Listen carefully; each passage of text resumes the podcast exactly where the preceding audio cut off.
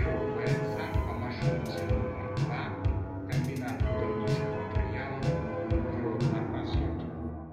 Усіх вітаю шаноўнае спадарства. Гэта падкаст утульны горад а мяне завуць Даша а сёння з намі раптам чалавек якога вы ніколі не чулі напэўна але заўсёды адчувалі яго нябачную прысутнасць. Гэта спадар Алексей шота. Добрый дзень спадар Алексей. Скажитеце калі ласка чаму я кажу што нашы слухачы і слухачкі мусілі адчуваць вашу прысутнасць? Прывітанне. Я ведаю чаму это павінны былі адчуваць. Можа маглі здагадвацца што там кожны выпуск бережна я сваімі ручкамі загружаю на хостинг пастка касаўскі ці яшчэ штосьці такое.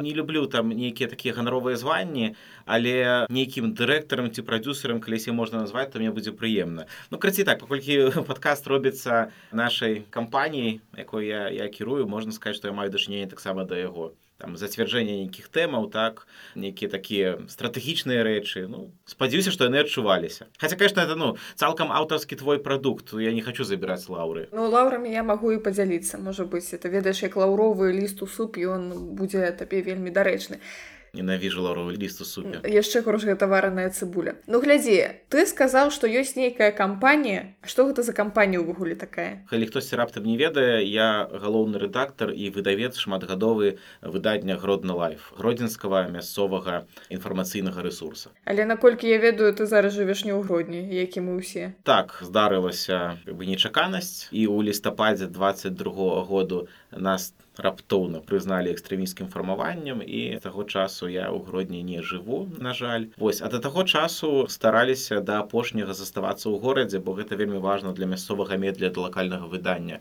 Быць на месцы і з гэтым месцам мець такую сувязь непасрэдную. Вось менавіта пра ролю мясцовых меда ў гарадах мы з табой сёння пагаворым але крышку гістарычны экскурс скажы калі ласка гродна лайф не заўсёды называлася гродна лайф. Мяне такое адчуванне што першапачаткова там было штосьці пра твой стыль. Так мы называліся як польскі жаночы часопіс твой стыль. Это вельмі доўгая гісторыя бо это насамрэч адно самых даўніх веб-медыя электронных медый беларусі. Калі ўлічыць вось все рэбрэндынгі ці рэдызайны нейкі змены то мы працуем неперарвана з 2007 году у прынцыпе я персанальна таксама 2007 году і звязаны з гэтым выданнем ну раней там на нейкіх умовах фрилансу потым уже да рэдактарскіх а цяпер уже кіраўнічых вы стаялі ля ну не ля вытокаў конечно беларускага інтэрнету байнету але дзесьці там побач не стаялі побач з крынічкай гэтай глядзелі як яно там усё выцякае раскажы калі ласка як гэтая гродзенская медыя ўвогуле ўтварылася як бы я чула аскепак гэта гісторыя спадарні Ірыны новік з катэгорыі што яна была увогуле выкладальніцай і тут раптам яна такая а не стварыць нам медыя і, і пабеглі ствараць медыя не ведаючы што гэта ўвогуле такое так бывае калі нехта ўжо не чуў навучання гуру а ведае толькі міфы і прыдання да? Іра ад нас заснавалі з гродна лайф у 2007 годзе калі з'явіўся твой стыль была такая сітуацыя што мясцовыя меды у гродні да і наогул у беларусі яны былі под вялікім ціскам у гродні той момант не засталося ніводнага рэальна незалежнага выдання. Фармальна прыватная газета вечерні гродна была і ёсць ну она мае пэўныя абмежаванні зразумелыя таму што калі б яна это абмежаванне не прытрымлівалася она ўжо не існавала. А так все остальное было ну, нейкая рекламная реально там рекламка і э, гродзенская правда все такое. Вось. Ужо тады існавала вось 97 -го году школа маладого журналіста ў гродня і калі раней гэта была такая кузніца кадраў для незалежных медый была зразумелая схема человек приходит школу маладого журналіста навучаецца журналістаў практыка тады яшчэ газет пагоня біжа інфармацыі іх усе паліквідоўвалі навучаецца і адразу трапляе ў ты пул у рэдакцыю калі гэта яго то ён застаецца там на годы А ў 2007 было так, што школа працягвала існаваць. Яна карысталася попытам тэма журналістыкі, меды, яна сярод моладзі была вельмі запатрабаванай, але не было дзе адбываць практыку. Ну, не разглядаліся варыянты з гронінскай правдай па зразумелых прычынах. Таму вырашылі стварыць ваё медыя, менавіта навучальную пляцоўку для маладых журналістаў для студэнтаў, такую вельмі дзіцячую насамрэч. Але яна з іншага боку была і прагрэсіўная. Мы рабілі падкасты тады ў 2007-2009 годах. То есть это слова яшчэ ніхто не ведаў ведаў гэта з аднаго боку была такая простая пляцоўка прымітыўная. З іншага па некаторых ідэях мы апярэдзілі час. Інтэрнет тады быў іншы. Немагчыма было рабіць у беларусі падкасты з інтэрнетам калі ты сцягваеш новы трек тузіна гітоў по дыалапу всю ноч 3 мегабайта да? Вось і гэта была такая пляцовачка якая сабе развівалася жыла праходзіла там рэдызайны розныя змяненні. І пэўны момант мы зразумелі вось у прынцыпе гэта напэўна у 2012 годзе калі я прыйшоў першыню як рэдактор галоўны что вот это такія дзіцячыя штанішкі яны нас абмяжоўваюць вельмі што мы ў гэтым фармаце гэтага выдання наўрад ці мы зможам пайсці далей ужо але паспатрэбілася яшчэ пару гадоў і мой сыход на тутбай который зараз нельзя называть зноў да? вяртанне з тутбая пасля году працы там каб уже канчаткова зразумець мы мусім закрыць гэты проект каб стварыць на яго базе новы у якого была перспектыва росту і вось так з 2015 по 16 год мы распрацоўвалі канцэпцыю сайт і ў 16 годзе закрылі твой стыль запусцілі грудна лайф как бы цалкам увайшоў ўжо ў дарослае жыццё прафесійнага медыя. Неўзабаве вельмі хутка далучыліся да асацыяцыі выдаўцоў рэгінальнай прэсы беларусі я лічу гэта вельмі важны крок для нас быў пачалі ў розных конкурсах там прэс-клубаўскіх іншых выйграваць ну і все карацей жыццё наладзілася я хотела зачапіцца за твою фразу про то что ў 2007 годзе не засталося незалежных медыа скажем так для людзей якія нарадзіліся напрыканцы 90-х на пачатку 2000-х ты можаш неяк коротенька абмаляваць што ж тады адбывалася на беларускім медыа рынку тому что у у мяне толькі ў галаве ёсць нейкі ўспамін пра закрыццё беларускай дзелавой газеты што мяне гэта ў хаце абмяркоўвалі а больше нічога як бы і не ведаю што такое там адбывалася. Я з пункту гледжання спажыўца добра гэта памятаю бо мой дзед пакойны тадыш тадыўшович вельмі любіў газету пагоня якую заснаваў мікола маркевич за другім годзе у гродні. І да закрыцця яе кожны тыдзень чытаў хадзіў кёс купляў потым віжу інфармацыі алены рубецкай таксама у выдатную мясцовую мясцовы прыклад мясцовай прэсы і вот мае школьныя часы вось заўсёды было дома это незалежная прэс была яшчэ народная воля сярэдзіча таксама такая агульнанацыянальная усе тры газеты былі заўсёды таму как бы я добра памятаю як яны выглядалі. Сапраўды вельмі якас якасна была журналістка на той час і яна прыцягнула ўвагу зразумела ўлада ў кепскім сэнсе гэтага слова. Гэтыя выданні сабе дазвалялі шмат свабоды бо как бы разумелі свабоду слова каштоўнасць. Ну і калі умоўна там тот кого нельзя называть там парушыў канстытуцыю но яны так і пісалі. За што былі закрытыя ліквідаваныя калі не памыляюся біж інфармацыі апошні раз выйшла ў 2004 акурат калі быў рэферэндум які дазволіў грамадзініну лукашенко бясконца балтавацца ў прэзідэнты крытыка этого рэферэндума стала прычынай того што газету закрылі і вось 2004 знікла такая цалкам незалежная прэса заставаўся вечерніх родная яго часткова выдаваў гарвыканкам ён быў саўдзельнікам у этой фірме але потым да складу заснавальнікаў выйшаў цяпер это прыватная газета цалкам але зноў жа вельмі асцярожная і такая. Ну как бы ёсць свае плюсавыя я не хочу крытыкаваць але сыход у тэму жкх а это извините пра говно і пар это важно бо важна каб жкх працавала ў горадзе. Але не можа газета абмяжоўваць толькі праблемамі ў жрэпа і дыркамі на дарозе. Гэта не тое што мы хацелі прабіць. І не тое якой мы бачым добрую лакальную мясцовую журналістыку. Ну, навошта ты так пра вячэрні грудны яны нават пра мяне артыкул пісалі ў 2019 годзе. Я стаўлюся да ўсіх з павагай. І не крытыкую просто кажу што гэта не той шлях мясцовых медыа мясцовай прэсы які я бачу правільным які я б хацеў рабіць. А які б ты хацеў рабіць? Канешне больш смеласці. Але гэта каштуе. Ну глядзі вот вечер негродна зноў жа. У 2011 годзе калі я зараз не блытую год там змяніўся галоўны редактор притым под націскам зразумелым націскам адпаведных служб. Яны занадта свабодна асвятлялі тэму этих хлопающих пратэстаў якія тады былі этой рэвалюцыі пра сацыяльныя сеткі да гаворка вядзецца пра пратэсты беларусі якія адбываліся ў 2011 годзе і пачаліся ў чэрвені. Першай такой падзеі калі вы памятаеце была акцыя стоп бензін а потым у сацыяльных сетках разышоўся план сістэм сістэмных маўклівых пратэстаў калі людзі кожную сераду выходзілі на цэнтральныя плошчы. Звычайна яны не мелі ніякай сімволікі і просто хадзілі туды сюды і перыядычна адначасова пачыналі пляскаць у далоні а праз некаторы час яны разыходзіліся і канешне ж калі вы думалі что просто за тое что людзі пляскаюць у далоні нікога не будуць затрымліваць то згадайце что гэта беларусі канешне будуць і затрыманні былі даволі масавымі а журналістам і журналісткам не давалі здымаць усё тое что адбывалася перадумовамі гэтых пратэстаў стала ускладненне эканамічнай сітуацыі беларусі дэвальвацыя дэвальвацыя беларускага рубля рост цен рост цен на бензін і ўсё астатняе. А гэта ў сваю чаргу было наступствамі выбараў 2010 года. Акрамя таго значная частка грамадства была цалкам незадаволена сацыяльна-палітычнай сітуацыі ў краіне Таму што калі ў 2010 годзе адбылася уласна плошча і жорсткі разгон і палітычнае заключэнне былых кандыдатаў у прэзідэнты. Зразумела мала каму гэта магло спадабацца. Я разумею што з 2016 года мінула ўжо 13 год як не дзіўна але мне падаецца важным узгадваць гэтую гісторыю. Было знойдзены спосаб націснуць на выдаўца які ў брэсце жыве і выдавец змяніў галоўную рэдактара. Наколькі магчыма настолькі яны працуюць добра ў беларусі але трэба разумець абмежаванні.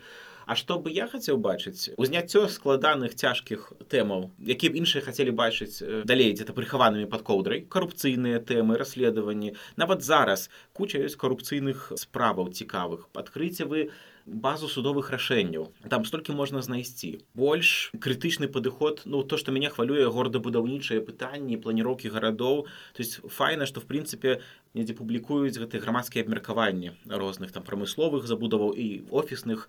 Але не мэта журналістыкі я лічу просто інфармаваць што збудуюць офісны цэнтр а на вуліцы б або азот будуе яшчэ цех гэта канстатацыя факта гэта мінімум што можа зрабіць журналіст это журналіст спрацаваў калі на прэс-канферэнцыі спрацаваў падставкай для дыктафона А калі гэта нават не хадзіў на канферэнцыю взяў прэс-реліза ну зараз сорі нейрасеткі зробіць лепей. То есть навошта трымаць сем журналістаў в газеце калі тую самую работу могуць зрабіць нейрасеткі граматней ярчэй А вось падняць праблему што будаўніцтва гэтага цеха можа але не абавязкова спрычніцца да таго ці да іншага што яно дасць. Ён дасць работу круто ж дасць работу там 300 чалавек але ці выкіды павялічыцца на там 30 процентов павялічыцца хто это памрэ? Будзе больш захворвання на рак? Куча пытанняў які трэба задаваць. Тое самае з будаўніцтвам тых раёнаў зараз там з каложай. Вельмі это возбудзілись наконт будаўніцтва района залаты каля вуліц каліноўскага там цёткі і вяседняй і такія пытанні уздымаць а не толькі інфармаваць. Таму што мне не падабаецца ў сённяшнім інфармацыйным ландшафце гродна усіх тых сайтаў бо он вельмі гэты ландшафт і буйны хапае розных там сайтаў насамрэч. У іх добрая наведвальнасць. Але мяне абурае просто факт что это констатация факта. Возьмите вы хоть некого эксперта параўнайте лічбы можна столькі цікавых тэндэнцый знайсці да? Або это бясконцае что як раней было за аэропортом гродзенскім да? Кожны год былі навіны из гродзенского аэропорта может быть улетят самолеты куда-нибудь да? і так 20 гадоў писали.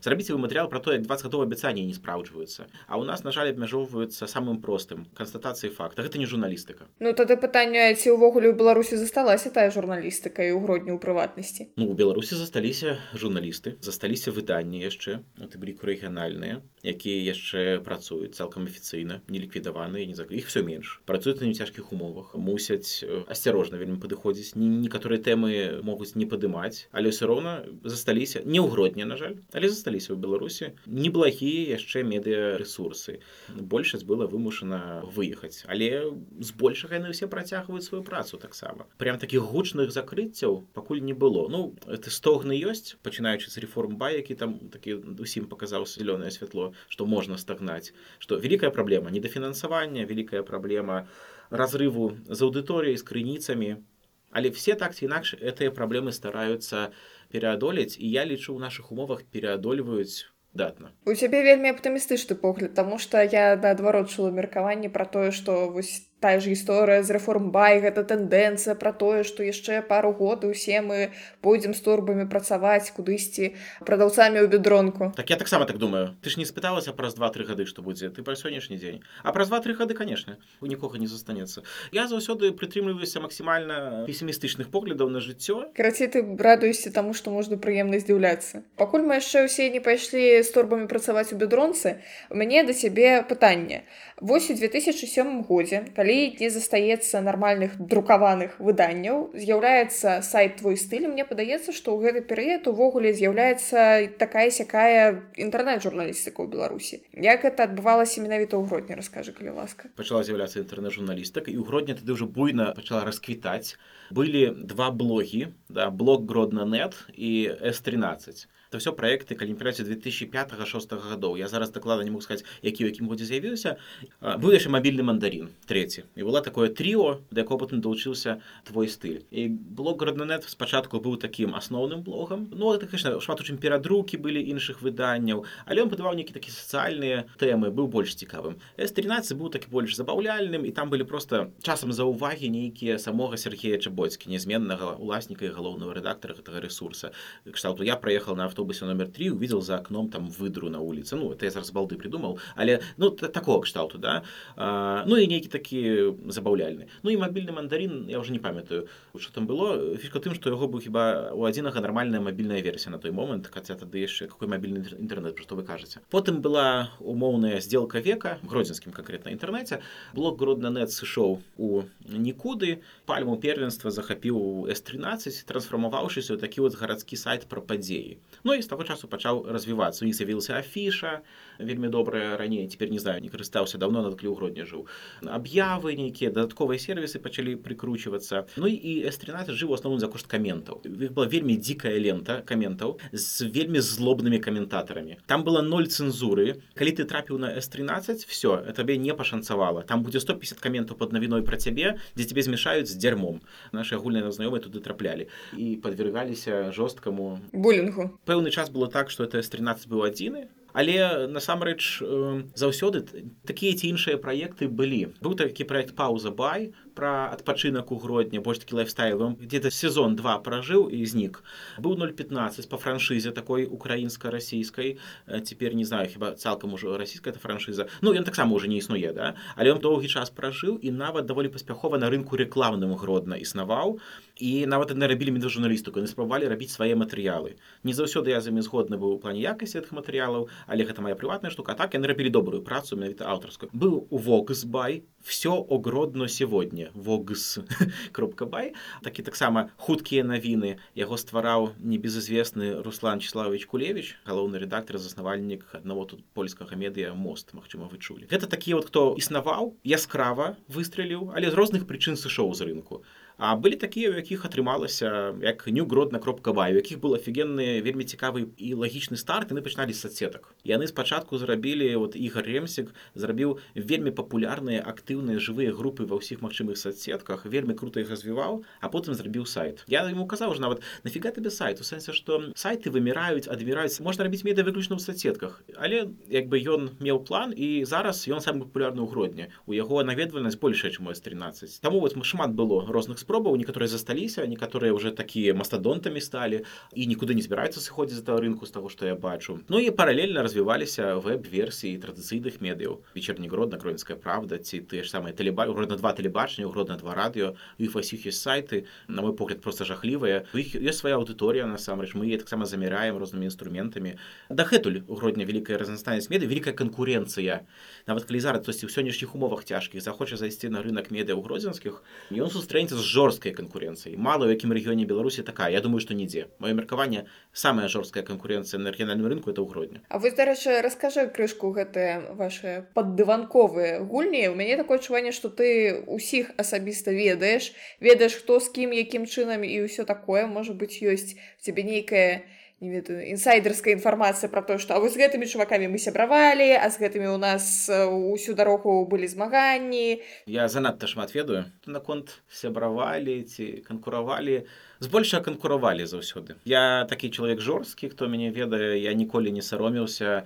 Калі канец вечерні гродна надрукаваў на передавіцы газеты сладка ли жыць в стране дешевого кофе я там пра польшу артыкул на разварот. Это было гадкоў можа 10 таму.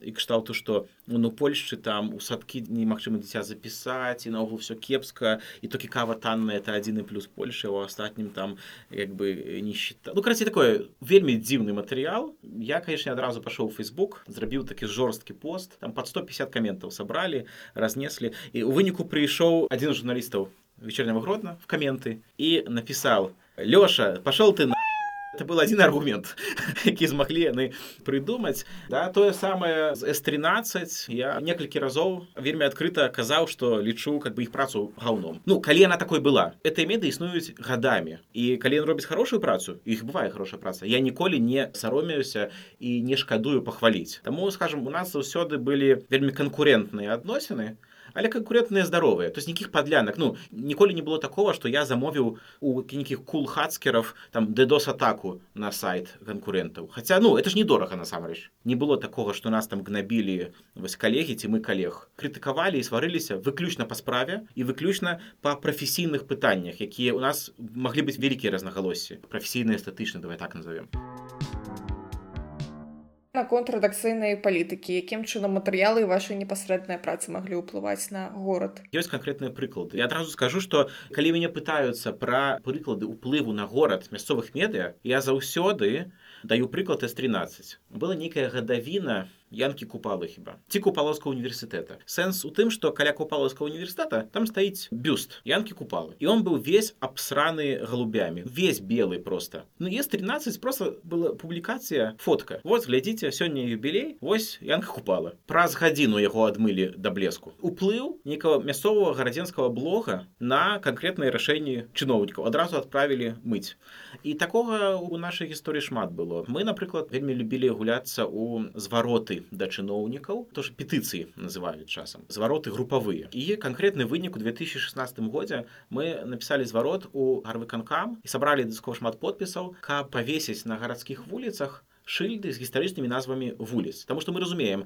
што сённяшняй беларусі нават у тыя вегетарыянскія часы 10 гадоў таму нерэальна зрабіць каб змянілі назву свердлава ці ўрыцкага ці якіх іншых гэтых чырвоных там катаў абсолютно незразумелых людзей для гродна. Нават ладно без ідэалогіі тут але мы вырашылі што можна зрабіць кампрамісны варыянт каб гарвыканкам павесіў шыльдзе з гістарычнымі назвамі. Мы запусцілі петыцыю гарвыканкам прыслухаўся іх это было рэалізавана. Была ідэя падобная з якой мы шлі да гарвыканкама пра стэнды такія п'юпітары турыстычнай інфармацыі. Гэта зрабілі потым как бы без нас але відавочна што часткова под нашим уплывам мы вельмі актыўна былі ў турыстычнай сферы. Это пытанне тады без віз першы толькі пачаўся. Наши многія героі чытачы эксперты вот былі гісторыкі краязнаўцы экскурсаводы. Много хороших работ было зроблена. Крыўдна што не паспелі з каралевай бонай. Для нас засуды важная была тэма нека такого жаночага прадстаўніцтва. Ну это для іры новых перадусім але агулам у рэдакцыйнай паліцыі таксама. Мы рабілі такія матэрыялы шталту што у назвах вуліц гродзенскіх мала жанчын да. Кнігу ж выдалі гарадзенкі я лічу выбітную абсалютна кнігу двухбаковую такую вельмі унікальны прадукт для беларусі і мы хацелі каб была ўшанавана ў горадзе каралева бона. Ну про каралеву бону там кажуць які такі недарэчныя штукі типа отравительница там невестку убила. Ну полная чушь караце ничего не з гісторыі да? А то что она была гениальным кіраўніком менеджером плане эканоміі что яна нарэшце дазволила каралёўскім эканоміям грошы зарабляць что она была такая дзяржаўніца у добрым сэнсе слова государственница не так як зараз кажуць і для гродна зрабіла шмат. Мы вельмі паспяховую правялі кампанію праз гарвы канкам які пагадзіўся что файна было б шыльду павесіць у годар каралевы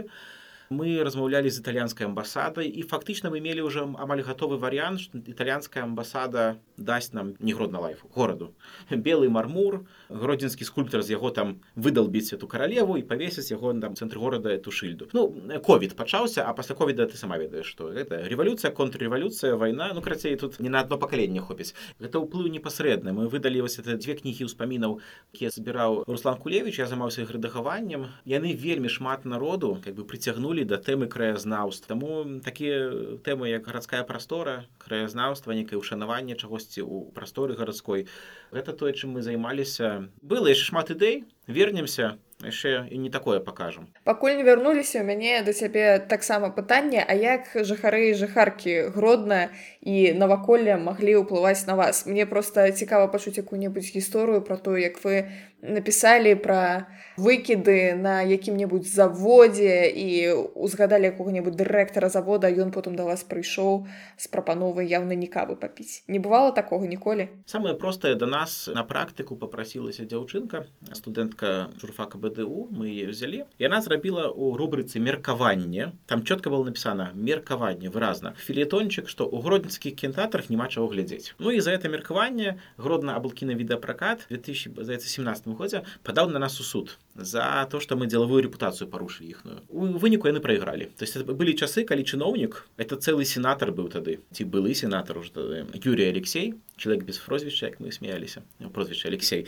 Ён прайграў пасля чаго заўсёды калі сустракаў мяне ці руслана нашага напрыклад у горадзе ён заўсёды з вялікай павагай спыняўся. Алексей здравствуйте. Как дела? Что там слышно? Реклама идет? Как ваша медиа? Ну то есть зусім змянілася стаўленне тому что его поставілі на месца ў суде. Іншая гісторыя памятаеш можа это было 18 ці 19 год. 19 тому что былі выборы тады мясцовыя здаецца не у 19 былі парламенцкія 18 былі мясцовыя ты памятаеш бачыш ну ты маладая яшчэ я ў 19 першы раз галасавала просто за саранчукова як зараз памятаю. Хороший герой ты быў падкаст калі коротко то вадзім саранчукоў гэта такі грамадскі дзеяч чалец парты бнф які займаецца палітыкай у беларусі увогуле і ў родным горадзе гродна у прыватнасці ўжо чвэрць стагоддзя тады на старым мосце ў гродні спыніўся аўтобус здаецца 21 і кіроўца просто выйшаў з аўтобуса кінуўся в реку. Про гэта все пісалі мы зрабілі добры матэрыял пагаварылі з супрацоўнікамі з іншымі кіроўцамі. І пасля чаго нас выклікаў кіраўнік аўтобуснага парку які тады акурат ішоў у дэпутаты. Кшталту вы там павінны прыбраць і все такое наогул что откуда вас інфармацыя. І пагражаў судом. Ну мы сказали что вот мы тут не так давно летась выйгралі один суд выйграем і другі. Ну, у выніку ён адмовіў адмовіўся ад сваіх амбітных планаў. А што тычыцца нейкі дапамогі людзям зноў жа я ўзгадаў такая простая гісторыя чалавечая добрая і кульці нам прилетела інфармацыя сарока на хвасце прынесла што на палестыне раён да там чыгунка за вуліцы суворова на палестыне ў нейкай бабці самотнай капалі на вуліцы штосьці звязана з вадаправодам у выніку аказалася што паколькі это каля яе дому гэтыя працы павінны каштаваць шалёных грошай ну для яе шалёных. Штосьці што для нас в прынцыпе подъемна хотя как бы не хочется отдавать их ни за что. А для яе это был космос нейкі мы про это опублікавалі інфу праз апублічванне гісторыі праз нас зацікавілася таварыства аховы спажыўцоў это правильное таварыства аховы спажыцоў то которое наше а не то другое. Ну, беларусу усяго па два я памятаю. Яго потым ліквідавалі канешне вось і дапамаглі яны реально дапамаглі у суде з тым водоканалам хіба што ці цеплавыя сеткі нехта з тых хто капае каналізацыю на вуліцы в мороз звычайна вот что гэта неапраўданыя былі зусім патрабаванні вернуць грошы ад этой пенсіянеркі а другое все роўна за яе боку мусілі быць нейкія выдаткі нават суд прызнаў просто значна меншыя і адразу знайшоўся чалавек добры который пакрыў іх простая жыццёвая добрая гісторыя якой я вельмі ганаруся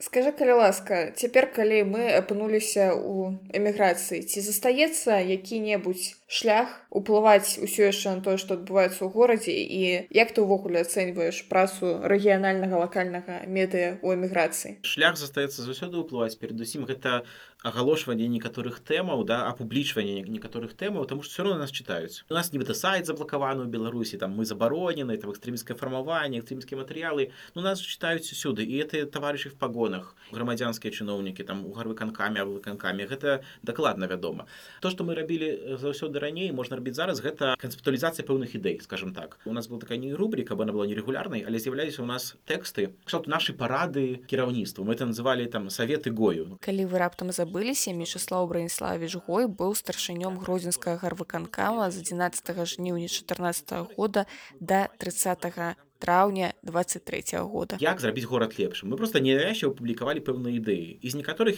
іх мы потым бачылі явно гарвыкакам карыстаўся да? а некаторыя не. Вот ідэя якую мы апублічылі еще ў 2017 годзе стварэння пастаянна дзеючай археалагічнай экспедыцыі гродзенскай да папярэдняга выпуску дарэчы. Ідэю гэта не рэалізавалі хаця мы апублічу а некаторыя іншыя мы агучвалі і потым явно гарвыкакам карыстаўся гэтымі ідэямі да нават у рыторыцы сваёй. Другое гэта стварэнне вось гэтых петыцый нейкіх зваротаў да? Людзі зараз трошки запужаныя ў беларусі мякка кажучы але звароты петыцыі дзейнічаюць кажуць беларусі законы не дзейнічаюць але працэсуальнасць законаў дзейнічае на дзіва вось все робіцца не по духу закону але палітры робіцца вот все працэсы все это целазрухи яны мусяць зрабіць да чамусь яны это важным фармальнасць законаў мы можем ініцыяваць любые іншыя гарадскія рэгіянальныя меды могуць ініцыяваць звароты могуць самі іх ствараць збіраць пад імі подпісы людзей все это законна легальна і не преследуецца і загружаць выканкамы працай ці вы супраць там этого забудовы района залаты каля пересілкі ці вы за нейкі чацвёрты мост у гродні ну неважно. Любыя ваши ідэі ці ваши супраціў існуючым там канцэпцыям гэта трэба агучваць і гэта не складана і гэта так інакш працуе. Зараз дзякуючы вользе словаміровне бондаровай так запужаныя чыноўнікі з варотамі яны реально реагуюць на звароты. Прынамсі яны мусяць адказаць. Да я канешне не буду не буду заклікаць усіх там дзеліцца інфармацыяй з намі з іншымі рэгіянальнымі метамі это небяспечна. Але калі вы трохі падкаваны тэхнічна разумееце як бяспечна звязацца з медыямі якія вы зараз вымушаны ў эміграцыі не шкадуйце вашага часу і па бяспечных каналах звязвайцеся з намі давайте сваю інфу. Вот нам вельмі не хапае зараз інфармацыі з мест мы адсочваем такую метрыку як цытаванне як нас цытуюць перадрукоўваюць у мінулым месяцы нас 100 разоў нас цытавалі перадрукоўвалі буйныя сМ еўрарадыо зеркала реформ свабода наша ніва. І это ж токі адныя мы грудналайф не самыя буйныя дарэчы з рэгіяналаў далёка. У гэтым сэнсе калі раптам знікнуць рэгіянальныя меды. Нават у такой сітуацыі як зараз у выгнанні вельмі недафінансаваныя вельмі скажем такія перагружаныя працай аб'ектыўна і з заплатамі ніжэй чым касіран у жабцы да. Калі яны такія нават зараз якія ёсць знікнуць то уявіць себе весь пласт региональной информации знікне зеркала з реформа з нашай яны не будуць самі рабіць яны не будуць стане. Для ўсёй экасістэмы для ўсіх беларускіх медыяў фенаменальна важна захаваць рэгіянальныя меды. Просто паглядзіце на лічбы якая колькасць контенту агулам генеруецца рэгіяналамі. Ну каласальная. Ввогуле як адрозніваецца праца гэтых самых рэгіянальных медыа і таких вялікіх агульна беларускіх? Ну рэгіянальныя меды заўсёды бліжэй да сваёй аўдыторыі. Нават зараз калі мы фізічна далей ідэе так здарылася. Гэта ўсе даследаванні паказваюць. Тыя що зараз праводзяцца беларускай аналітычнай майстэрня іншымі даследчыкамі. І заўсёды так было. І та ва ўсім свеце пацвярджаецца. Это што ў злучаных штатах Амерыкі што в беларусі. Давер больше да арыгінальных медаль да тых каго людзі ведаюць вот чым я магу ганарыцца што нашых журналістаў у гродні ведалі ў твар паімённа ты мог зайсці у некую кавярню не буду кстати якую каб не падстаўляць там і табе там морожна бесплатна адразу маглі даць тому і дзякуй за вашу працу. Мяне калісь спынілі на вуліцы просто паглядзелі так на мяне типа вы згрудналась ой спасибо вам за вашу работу.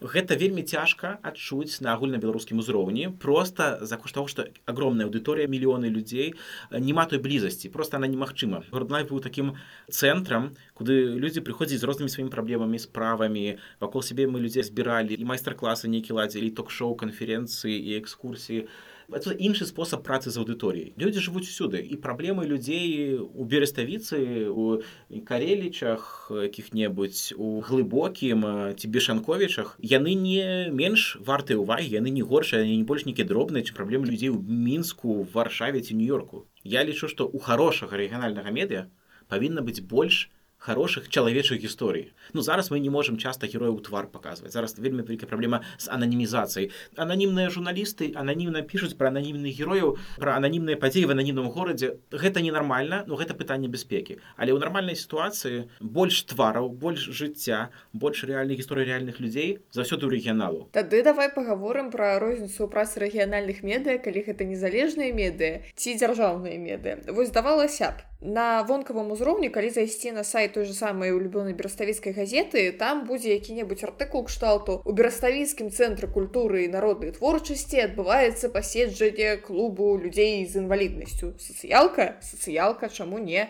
Але мне чамусьці падаецца табе такая сацыялка не падабаецца гэта не журналістыка гэта просто інфармацыйнае абслугоўванне райвыканкама ці там цэнтр по обеспечению фінансавай дзейнасці государственных арганізацый такія структуры з 20 словаў назва. Пытанне ж у фокусе. Інфанагода таеш і мы з этой інфанагоды маглі б зрабіць штосьці іншае калі нас цікавіла калі это быў наш рэгіён і наша тэма.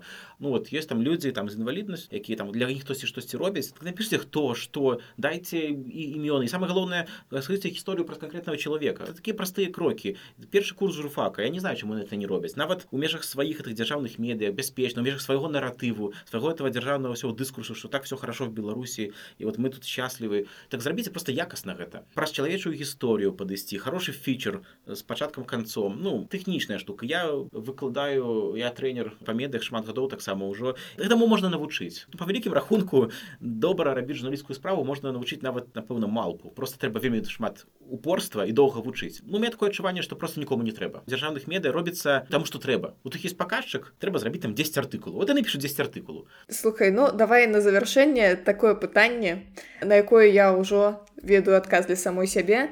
Якім ты уяўляеш гродна лайф у дэмакратычнай беларусі Да, я спадзяюся, што все нашыя канкуренты, конечно, закрыюцца, збанкрутуюць, памруць з голаду, мы застанемся адзінымі манапалістамі на рынку. Не, ну это жарт. Не, конечно, не. Так было вельмі кепска. Па-першае, хацелася б, як мінімум, вернуць тое, што было і рэалізаваць тыя праекты, якія мы не паспелі, да. Заўсёды для нас важна было ты актывізм увесь. То есть мы как бы журналісты, але мы так на двух стульях сидзелі. Бо многія з нас і сам вот твой стыль Гродна Лайф, у нас карані НЖОшныя, у нас карані недзяржаўных арганізацыях. Таму для нас было сюды важна не проста інфармаваць, ствараць нейкую дыскусію быць ініцыятарамі чагосьці. Вось быць побач это мяжаваць з актывізмам у такіх здаровых межах допустим журналісцкай этыкай. Хацелася б вось да такіх рэчаў вярнуцца канешне. Зноў жа нейкіх ідэй для горада да офлайн актыўнасць вот этого вельмі не хапае мне зараз. Что яшчэ? Вот мы паспелі выдаць першы нумар часопіса. Все сыходзяць в лічбу в онлайн. А у нас была такая дзікая думка часопіс стварыць папяровы бясплатны гарадскі часопіс які бы жыў на рэкламе быў такі ў гродня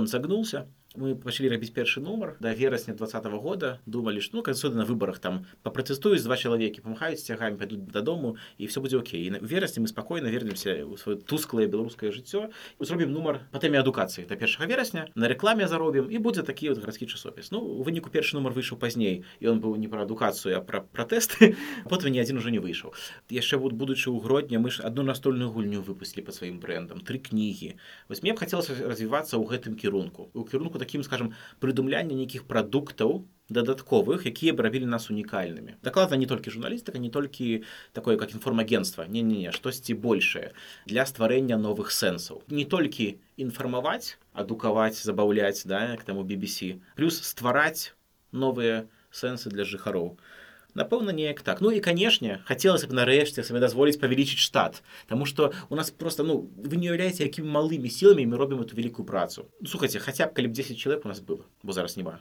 Это было бы выдатна.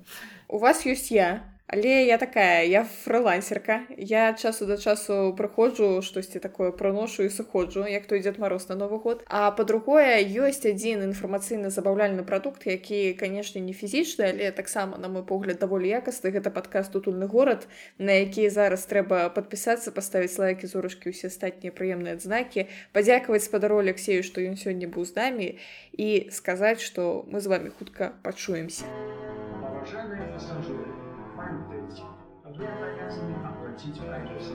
Набывайте проездные билеты к часу поездки.